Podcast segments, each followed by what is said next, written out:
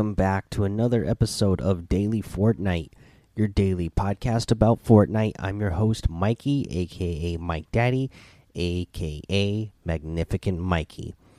So, today, uh, first thing I want to mention here actually is that there was some sort of fake teaser for season 11 going around that a lot of people saw and commented on thinking that it was an actual teaser for season 11 it's not. It's a fake teaser. It had some it has like a battle bus in it and it's got like a skyline of the original uh, tilted towers or of the old tilted towers.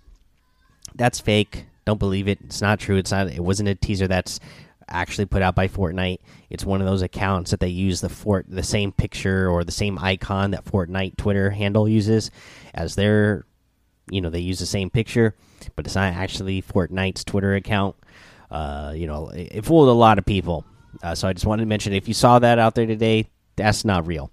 Uh, we got you know less than a week now from when the new season starts but normally the teasers don't start until maybe like four days or three days before the next season. So it's probably going to be a couple more days before they start doing the, the next teasers. Because i mean they've been doing the updates mostly on wednesdays it seems like this season. So i, I would imagine we get that update wednesday and then we'll start seeing teasers after that. And there is no countdown in the game so far as far as I've seen. So yeah, we don't know a count a countdown for a time for an event that should be happening this week in in lead up to the new season as well. But uh, we'll we'll I will let you know for sure when there's something real.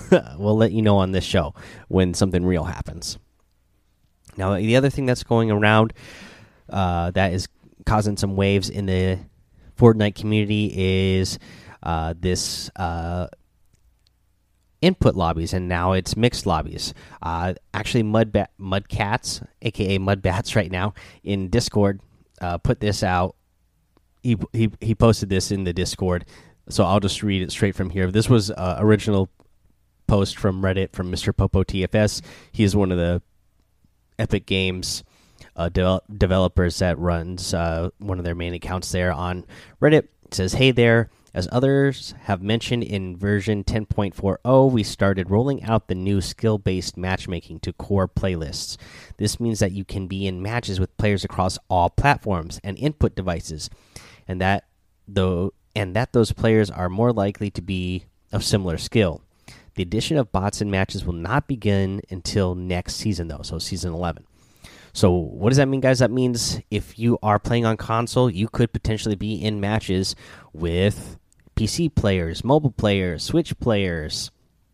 Everybody can be in a match with everybody now at any at any given time.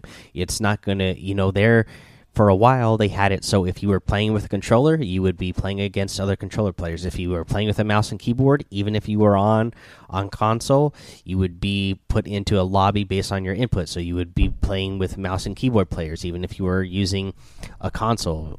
Uh, but now everybody's back in the same pool. For me, I mean, because of the skill skill based matchmaking, I don't think it's a big deal. But man, I see a bunch of people out there flipping out over this, and I just don't think it's that big of a deal. If they if it's really skill based matchmaking, it doesn't matter what the input is. I mean, it doesn't matter. I mean, I see so many kids saying, "Oh, but my my my device you know i'm i have this phone i only get 30 frames per second and somebody on pc they're getting 120 frames per second. Yeah they're getting those better frames per second but if their skill isn't there if you if if you know if they're real low skill level and you're worried because you have a low skill level based on the fact that you don't have a great super high end pc to play on it doesn't matter. I mean that person you know, it, it, it's, it's all who's in control of that input. So if you are a, you know, average player, you're going to be playing against other average players, no matter what their input device is. It doesn't matter how good of a system they have. They obviously haven't turned pro uh, because they're just just only so good at it, and you're getting base that your your matches are being based on that. Uh, I, I'd like to I always when I think about these type of things, I always think back to when I was taking guitar lessons as a teenager. Uh, you know, when I got my first electric guitar, I got this real cheap, hundred fifty dollar electric guitar, and my guitar teacher, you know, he was, you know, when I when I first brought it to him, I was like, yeah, my you know, I got this uh, electric guitar and it's cool, but I can't wait till one day like get a real one. He's like, no, this is a real electric guitar, and I was like, yeah, but I want a cool one, like you know, like all my heroes play on. And he's like, you know, it just really, you know, it's it all depends on who's on the hands of. And of course, so this guy used to take guitar from, lessons from at the time he was like in his 60s, and he had been playing guitar since he was a teenager. So he took this, you know, electric guitar that I had, and he shredded on it, right? Because he's just really skilled at it. It doesn't. It, it didn't matter that it was a cheap hundred fifty dollar electric guitar. He didn't have to be playing on his two thousand dollar Gibson Les Paul guitar. He could make he could make this hundred fifty dollar guitar sound really good. And I've seen players on Switch, you know, like who are ridiculously good. I've seen mobile players who are ridiculously good in some of these cash cups that have been going on this season. Some of these mobile players have placed in like the top 200, top 100.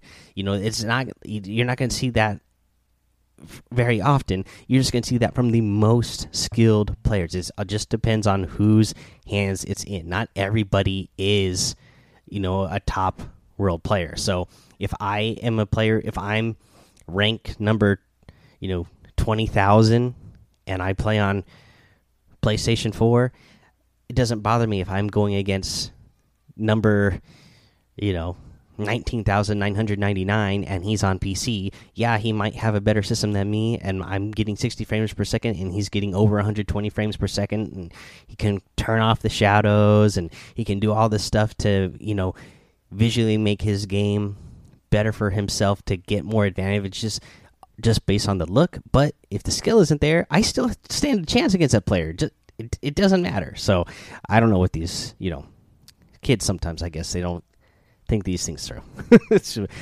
uh, but that's that's all the news I really got for you today. That's uh, what we have there.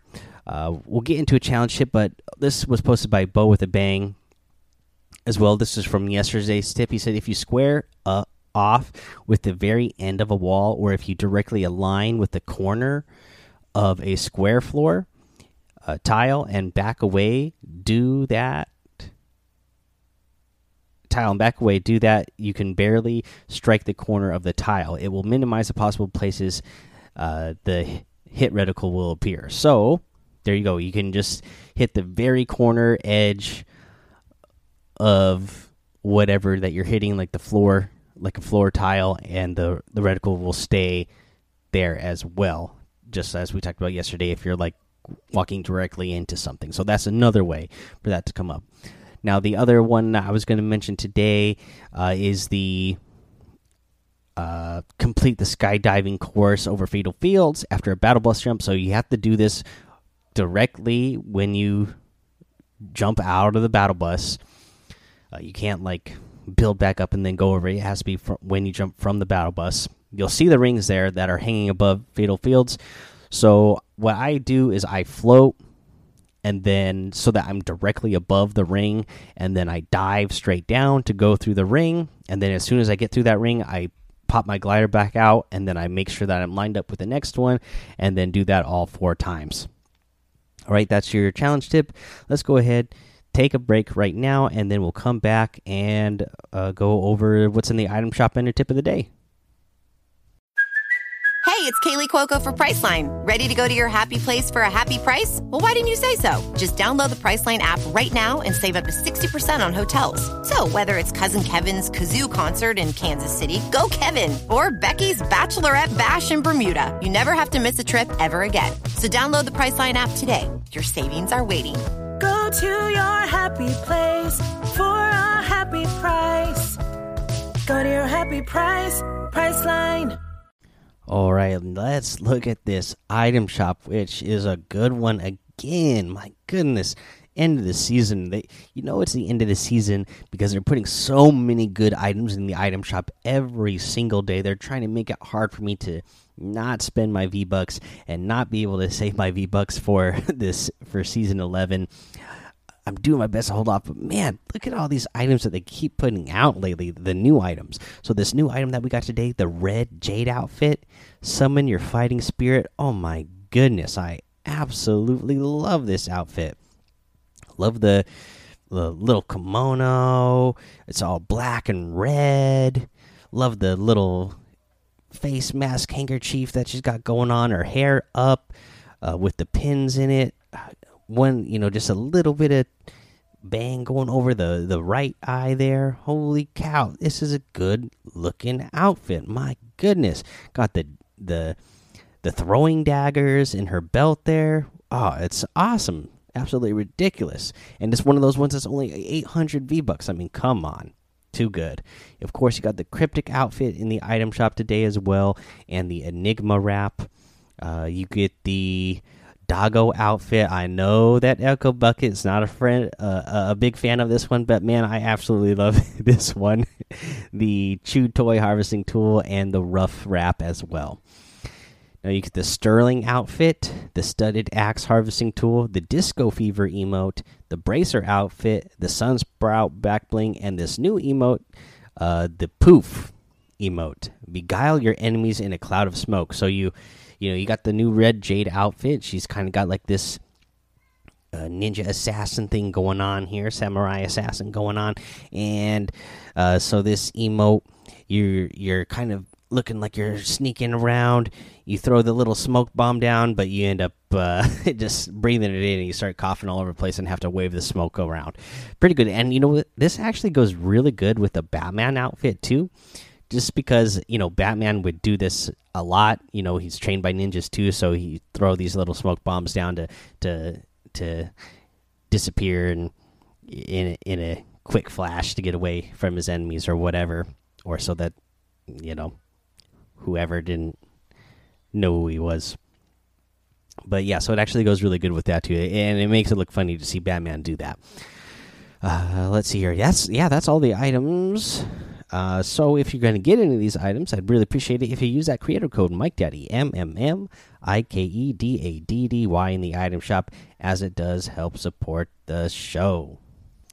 Now, for today's tip of the day, I'm going to bring it back to the controller settings because they just got changed recently and I've had people ask me what I have my settings to and I haven't really messed around with my settings too much. So what what I like to do with the settings is I will watch like the top, you know, for controllers. This is obviously for controller players.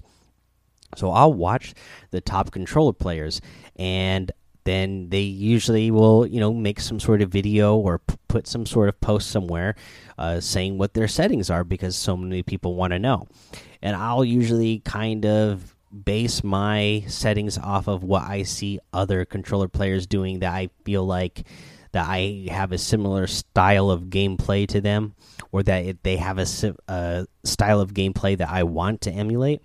And then i will put my I'll put my settings exactly the way they have their settings, and then I'll just see how comfortable that feels, and then I'll play around with it for a day or two, and then decide what I need to change, and then then from there I make my own small adjustments. So that's the thing, guys. Don't you don't have to do exactly what that player is doing, but you know, give yourself some sort of guideline.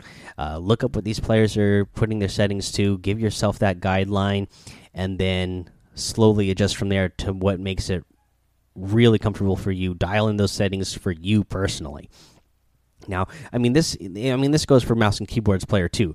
I mean you can do the same thing. You know, just look up the settings of your favorite players or a player that you want to emulate their uh, play style or that somebody who has a play style that you think fits what you are already doing, and then you know put your settings to that, and then adjust from there to what makes it feel really good for you. So that's really the tip of the day. Is I guess you know really I can't tell you exactly how to put your settings because what feels good to me might not feel you know exactly good for you. So uh, just go out there, find out what different settings are, and it and adjust from there. All right, guys, that's the tip of the day. That's the episode. So head over to the Daily Fortnite Discord. Follow me over on Twitch and YouTube. Head over to Apple Podcasts and leave a five star rating and written review for a shout out on the show. Subscribe so you don't miss an episode. And until next time, have fun, be safe, and don't get lost in the storm.